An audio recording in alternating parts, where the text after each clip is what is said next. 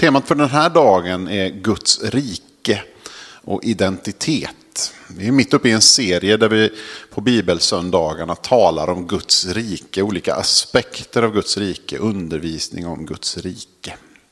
Och har du varit med förut så vet du att vi har pratat om att Guds rike, ordet rike, handlar inte så mycket om en plats som om en intressesfär eller maktsfär. Alltså den det område där Guds konungsliga makt gör sig gällande. Det själva, ligger i själva ordet rike när Jesus talar om. På grekiska heter det basileia som är alltså det område över vilken en monark härskar med sin konungamakt. Och så är det också med Guds rike. att Guds rike, säger Jesus, är inte synligt med makt, men det har en påverkan. Och det kommer en dag när Guds rike kommer att uppenbara sig all sin glans, i all sin makt och härlighet och tränga undan alla andra riken, alla andra intressesfärer, alla andra inflytanden som finns över jorden. Och den dagen väntar vi på och ser fram emot med glädje. Därför då kommer våran frälsare tillbaka och upprättar sitt rike fullt ut. Det som är redan nu men ännu inte blir sedan fullt ut här och nu. Men vi ska börja med att ställa oss frågan, vem är du egentligen? Vem är du egentligen? Den svenska poeten Hjalmar Söderberg han skrev ord som du kanske känner igen, du kanske har hört det här citatet någon gång förut. Han skrev att man vill bli älskad. I brist därpå beundrad, i brist därpå fruktad, i brist därpå avskydd och föraktad.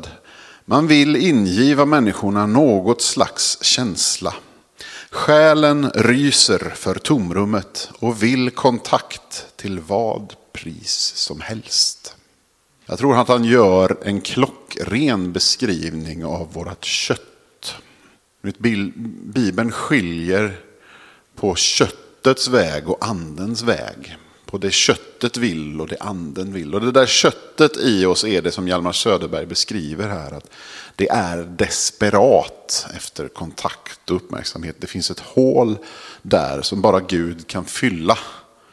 Men vi låter oftast inte Gud fylla det utan vi fyller det med allsköns annat. Blir man inte älskad så vill man bli beundrad. Blir man inte ens beundrad så vill man bli fruktad. Och blir man inte fruktad så vill man åtminstone bli avskydd och föraktad. Man vill åtminstone inte gå in i mörkret utan att ha märkts överhuvudtaget. Men Jesus han säger någonting annat. Han säger någonting som går diametralt emot det här som skär i det där köttet på ett tämligen obehagligt sätt. I Matteus 16, 24-26. Nu läser jag ifrån eh, den gamla översättningen. Ni får följa med där. Det står lite andra ord, men eh, det gör ingen skillnad för det är samma innehåll. Sen sa Jesus till sina lärjungar, om någon vill gå i mina spår måste han förneka sig själv och ta sitt kors och följa mig. Ty den som vill rädda sitt liv ska mista det. Men den som mister sitt liv för min skull, han ska finna det. Vad hjälper det en människa om hon vinner hela världen men måste betala med sitt liv? Med vad ska hon köpa tillbaka sitt liv?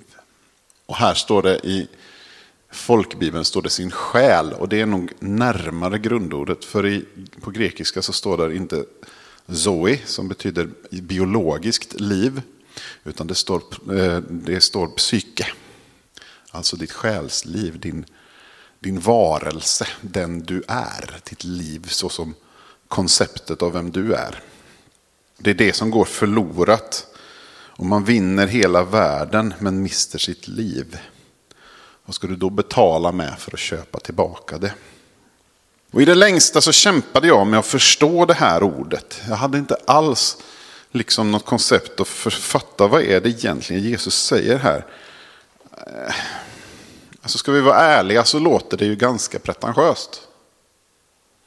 Vadå, ska jag, ska jag ge upp allt då? Och vi har, jag tror vi har, jag vet inte om någon annan känner igen sig, annars får det stå för, bara för mig och min, min okunnighet innan jag lärde känna Gud bättre. Men, men det var lite så här, vem är du egentligen att säga så? Vem är den här mannen Jesus som har rätt att säga så till mig? Att jag ska mista mitt liv, då måste jag ju förlora allt. Vad är det för krav? Vad är det för konstig Gud som vi ska följa? Ska jag ge upp verkligen allt jag har då? Ja, men de här goda sakerna som jag vill då. Det här att jag vill hjälpa människor och att jag vill bli sedd och uppmärksammad och allt det där som Hjalmar Söderberg skrev om. Det där som river i själen.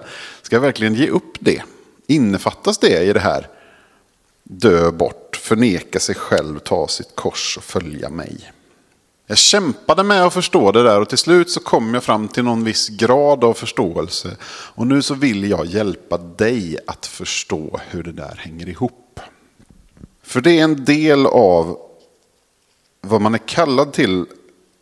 Den som, den som så att säga står här framme för att förmedla Guds ord. Del av uppgiften finns beskriven i Fesierbrevet 4.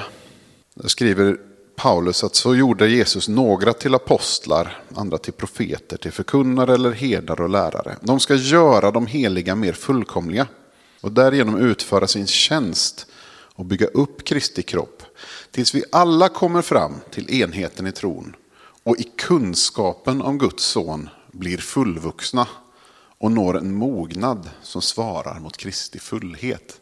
Det är inget litet uppdrag och det tar jag inte lätt på. Men det är liksom, på något sätt så är det så att, att Gud vill ge sitt folk uppenbarelse. Gud vill förmedla förståelse och kunskap om vem Kristus är och vem han själv är och vilka vi är i honom. Och det rör ju vår identitet, det rör de här djupa frågorna om vilka vi är och hur vi är kallade att leva.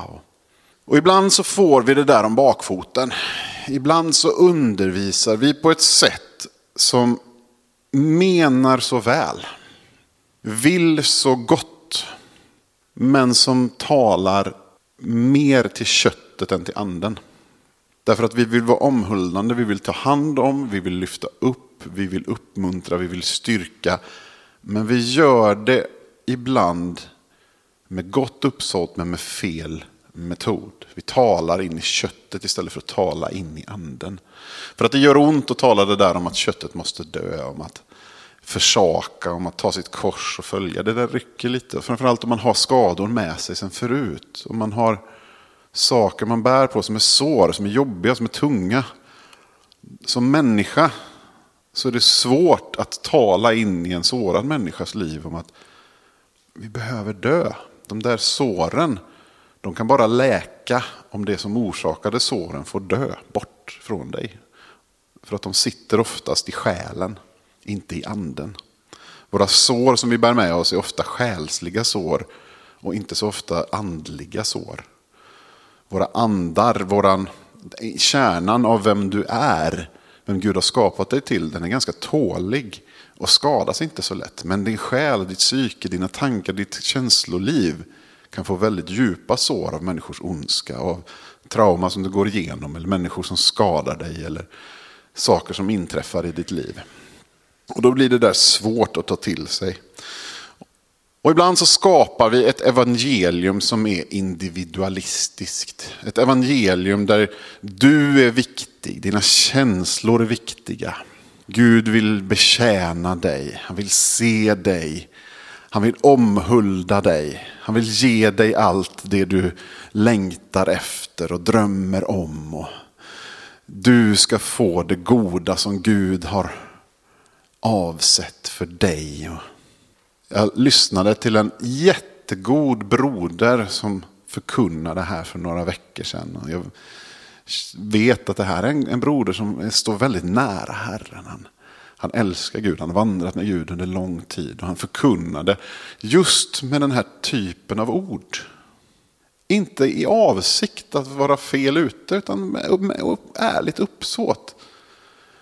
Men det var en vers här och en vers där och en vers där. Och så plockar vi ihop det och så blir det nästan evangelium. Men det blir lite grann vridet till att köttet ska ha sitt.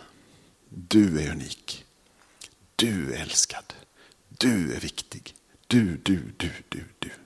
Räkna, om du kan, hur många gånger i evangelierna Jesus säger du. Det är en handfull och det är nästan alltid ett förebrående när han säger det. Någon enstaka gång ger han också en komplimang. Du har inte långt till Guds rike. Men alltid när han talar om Guds kärlek så säger han ni. Ni är älskade. På er är till och med hårstråna räknade. Ni tillhör Guds rike. Den som inte tar emot Guds rike som ett barn kommer inte där in. Guds rike tillhör sådana som det. Det är alltid ett vi, det är alltid ett kollektiv. Och det beror på att frälsningen är given till Guds församling som ett vi. Det är ett kollektivt mottagande av anden. På, på pingstdagen så var det församlingen som föddes, inte enskilda individuella kristna. Därför att det finns någonting i det där att vi är tillsammans fullhet. Alltså vi ska avspegla fullheten av Guds kärlek som en kropp tillsammans. Lemmarna i kroppen är viktiga.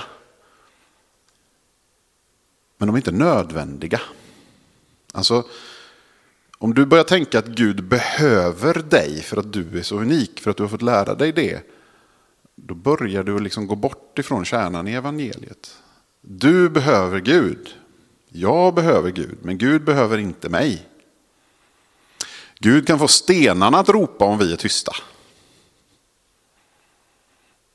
Alltså han har inget behov av att ha människor att frälsa. Han har inget självhävdelsebehov. Han är sig själv nog.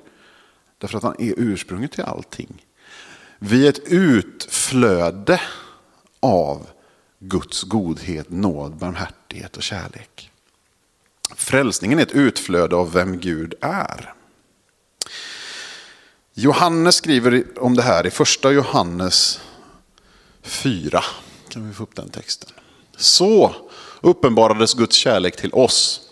Han sände sin enfödde son till världen för att vi skulle leva genom honom.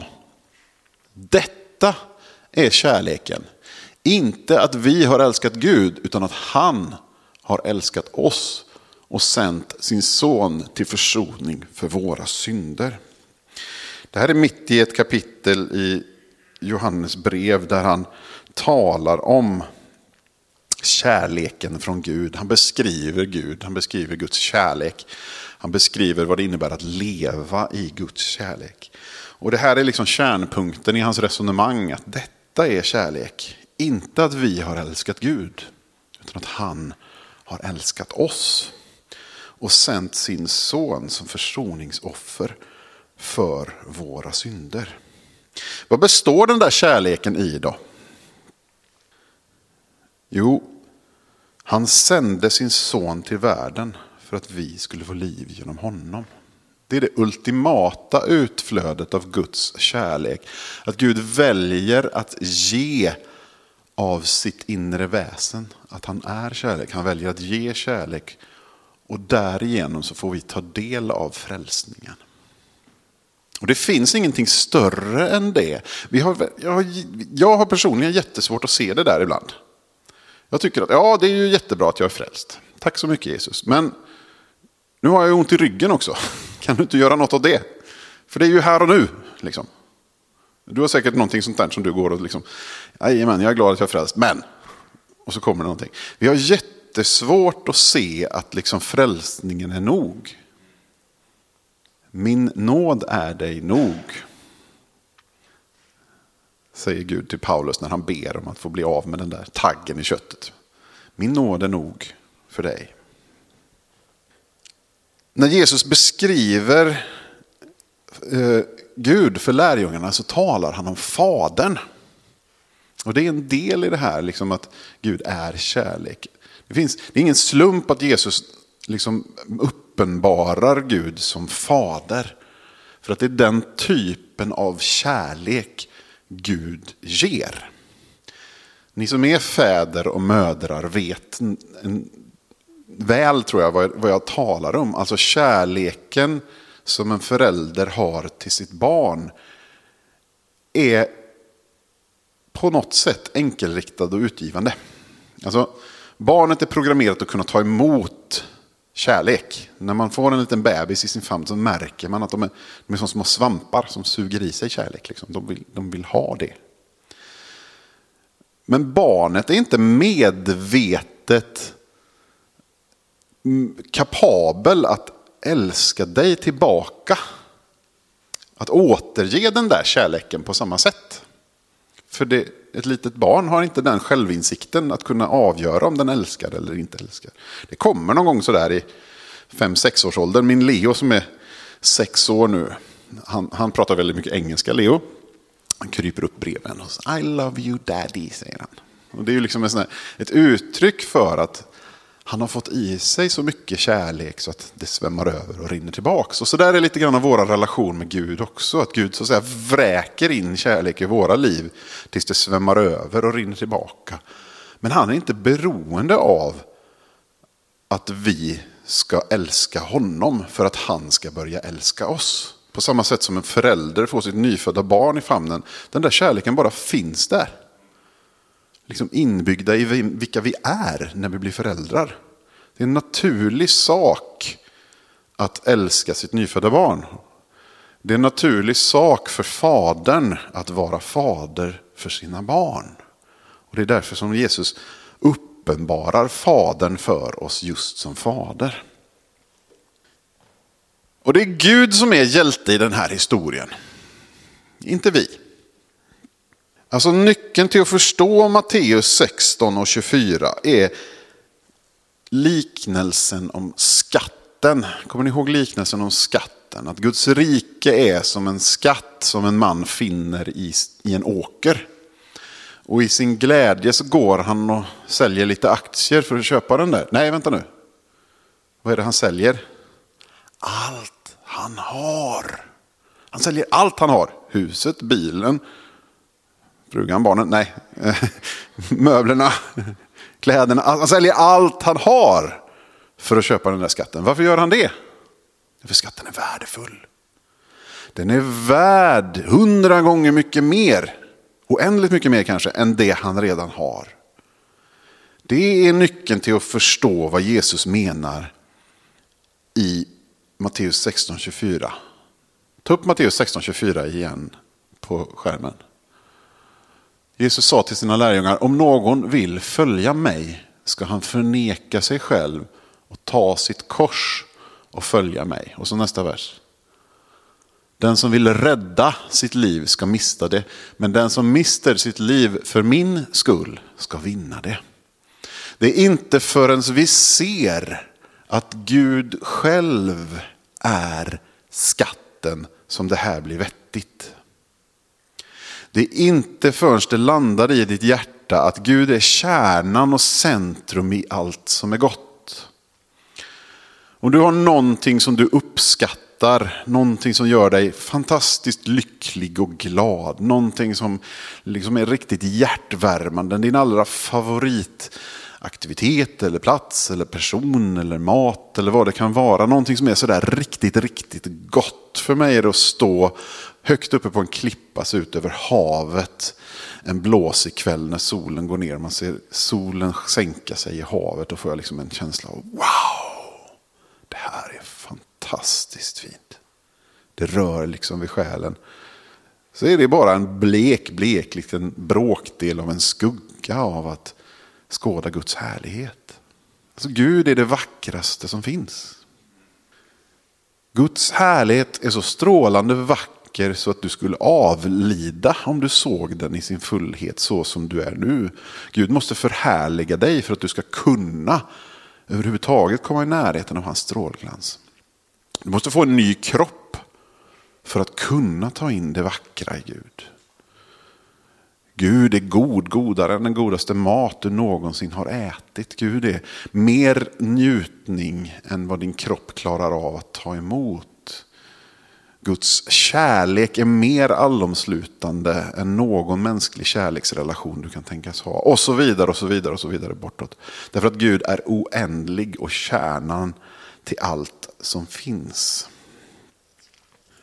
Gud är källan till allt gott, källan till allt liv och till kärlek och godhet. Och därför är förtappelsen en sån hemsk verklighet att människor går förlorade.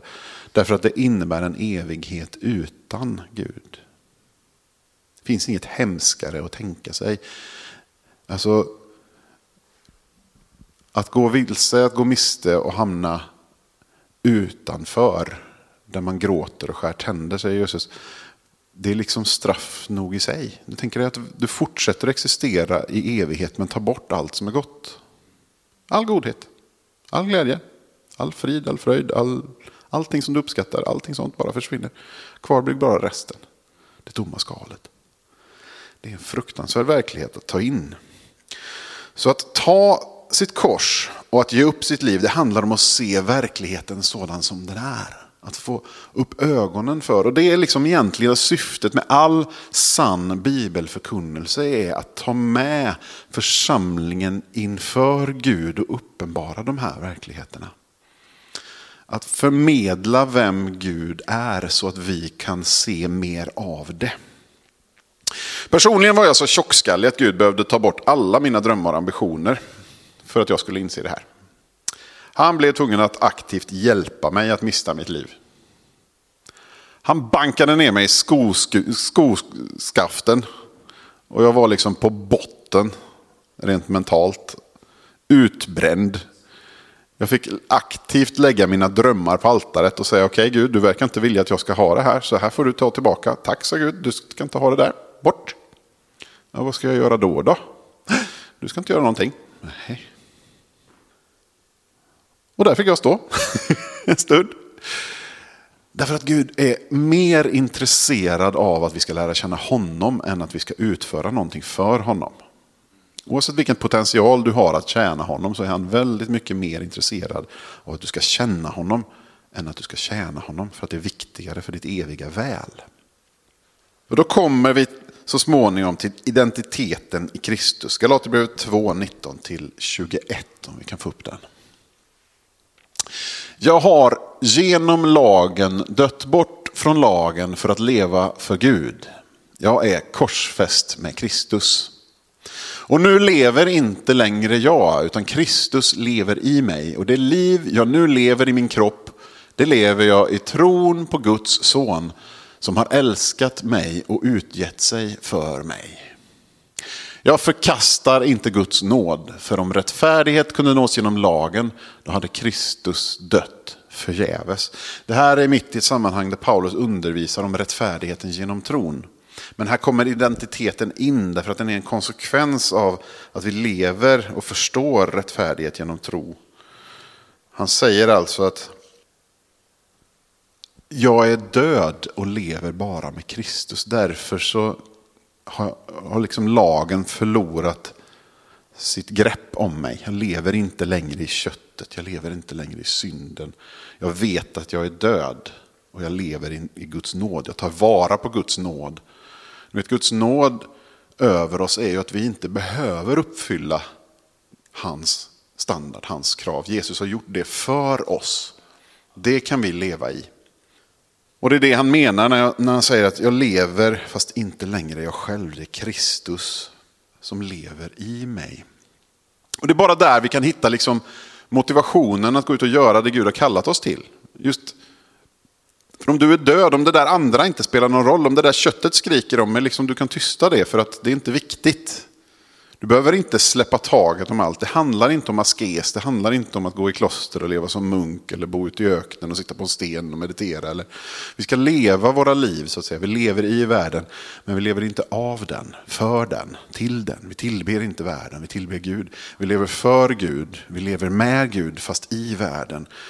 Det finns vardagliga saker i ditt liv. Du kommer fortfarande behöva kliva upp på morgonen och laga frukost och gå till jobbet och tjäna in lite pengar så du har någonstans att bo. och så där. Det finns liksom saker att göra. Men de får en annat innehåll, en annat värde. De blir liksom inte viktiga i förhållande till vem Gud är. Och samma är det med dina motgångar.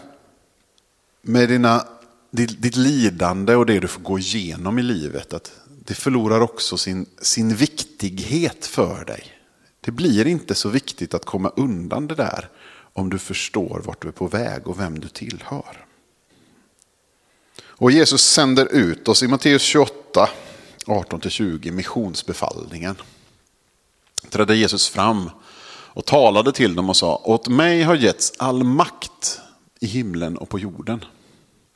Gå därför ut och gör alla folk till lärjungar. Döp dem i Faderns och Sonens och den heliga Andes namn. Och lär dem att hålla allt som jag befallt er. Och se, jag är med er alla dagar till tidens slut. Varför skulle vi gå ut? Gå därför ut. Därför sikta på ett varför. Vad var varför? För att han har fått all makt. Vilken märklig liksom, anledning. Men han är allsmäktig, därför ska vi gå ut. Det är inte bara en lös befallning, utan den har en motivation bakom. Du tillhör nu allsmäktig Gud, han som har all makt i himlen och på jorden och därför så ska du gå ut. Och I grundtexten så står det egentligen Var därför gåendes görandes till lärjungar alla folkgrupper och döpandes dem. Det vill säga det är någonting aktivt som händer hela tiden.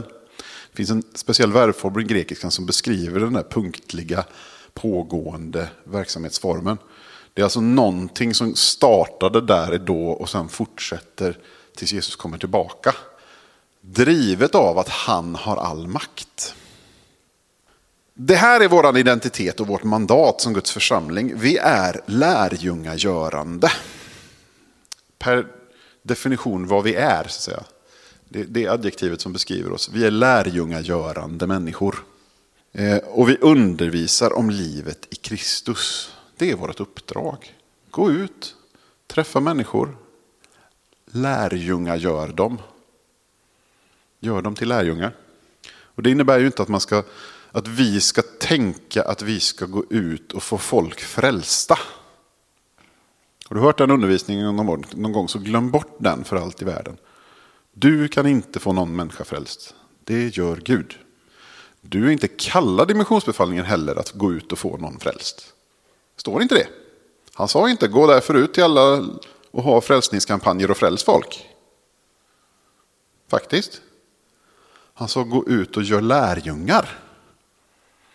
Frälsningen är Guds ensak, den sköter han om.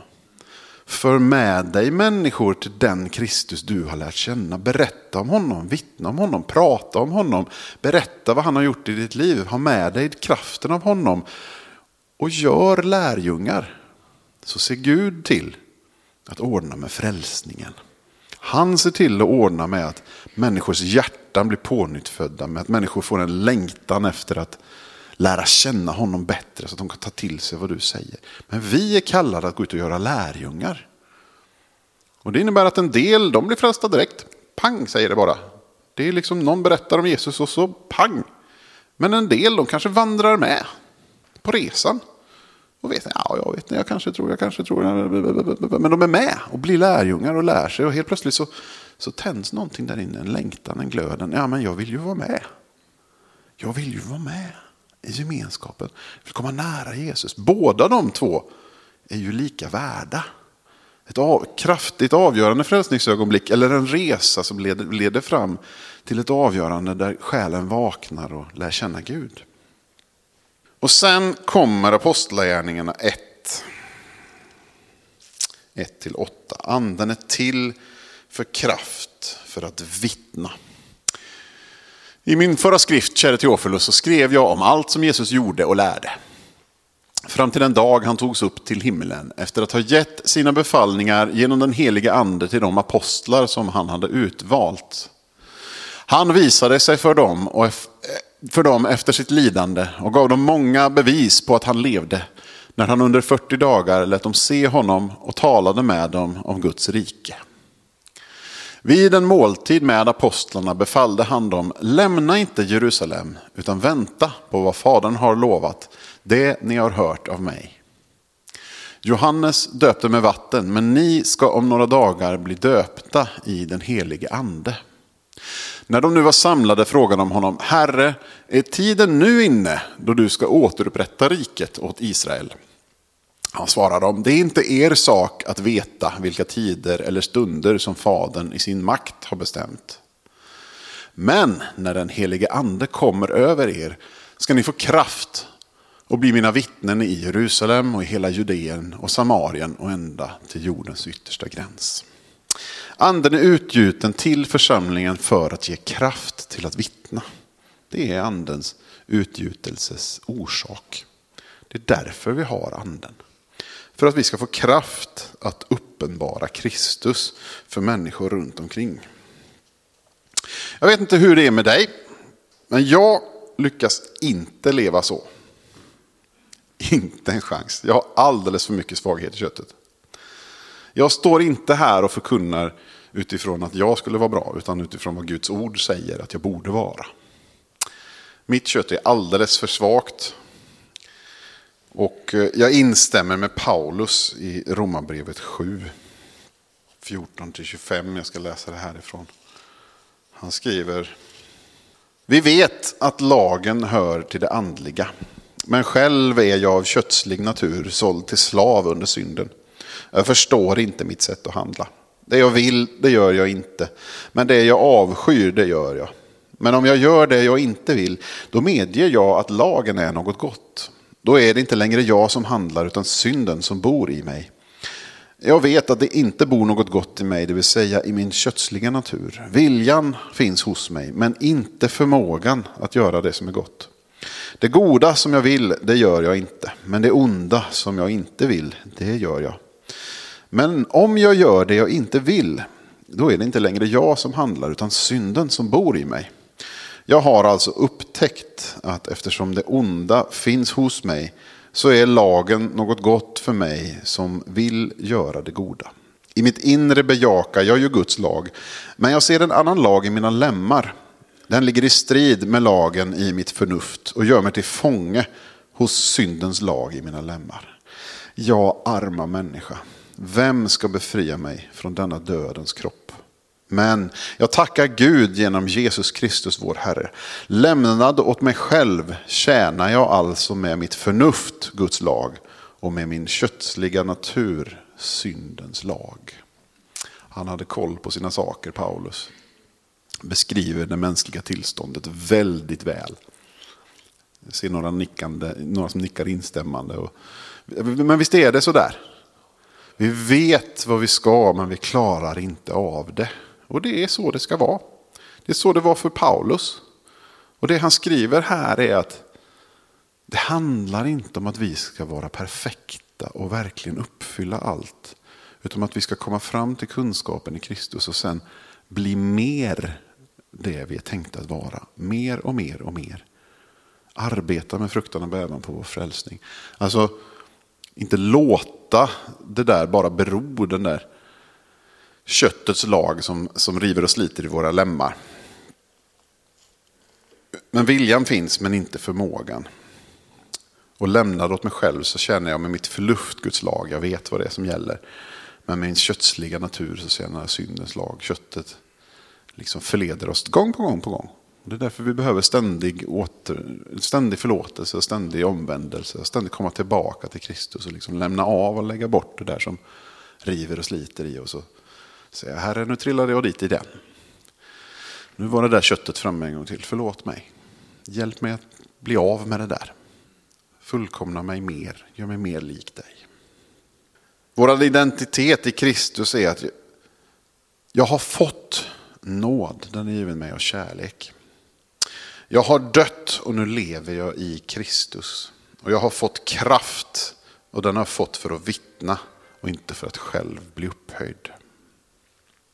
Så för att sammanfatta det här budskapet så, så är det så att Kristus lever i sin församling, i lemmarna i församlingen.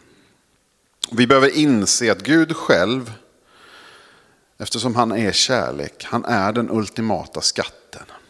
Och Guds rike, det är att vara där han är. Det är kärnan i Guds rike.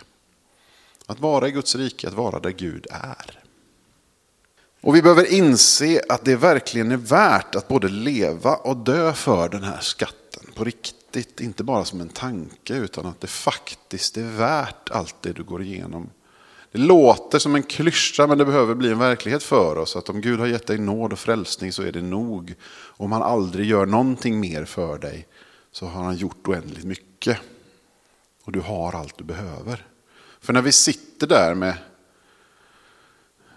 ryggskott och gikt och allt vad det nu kan tänkas vara. Eller någon går bort som vi älskar. Eller, ja, det är liksom när vi sitter där mitt i lidandet och, som Job och river våra bölder med skärvor av lergods. Då känns det ju inte så som att frälsningen är nog. Men om vi lyfter blicken och ser vad det är Gud har gett och ser att det här är bara tillfälligt. Det som kommer är värt så oändligt mycket mer än det vi har nu. Och vi behöver också inse att din identitet nu, den är att vara ett bemyndigat ombud för den allsmäktige. Det var därför Jesus sände ut lärjungarna, det är därför han sände ut sin församling. Du är ombud för den Gud som har all makt.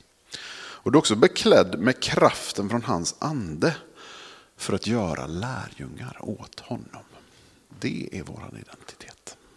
Amen.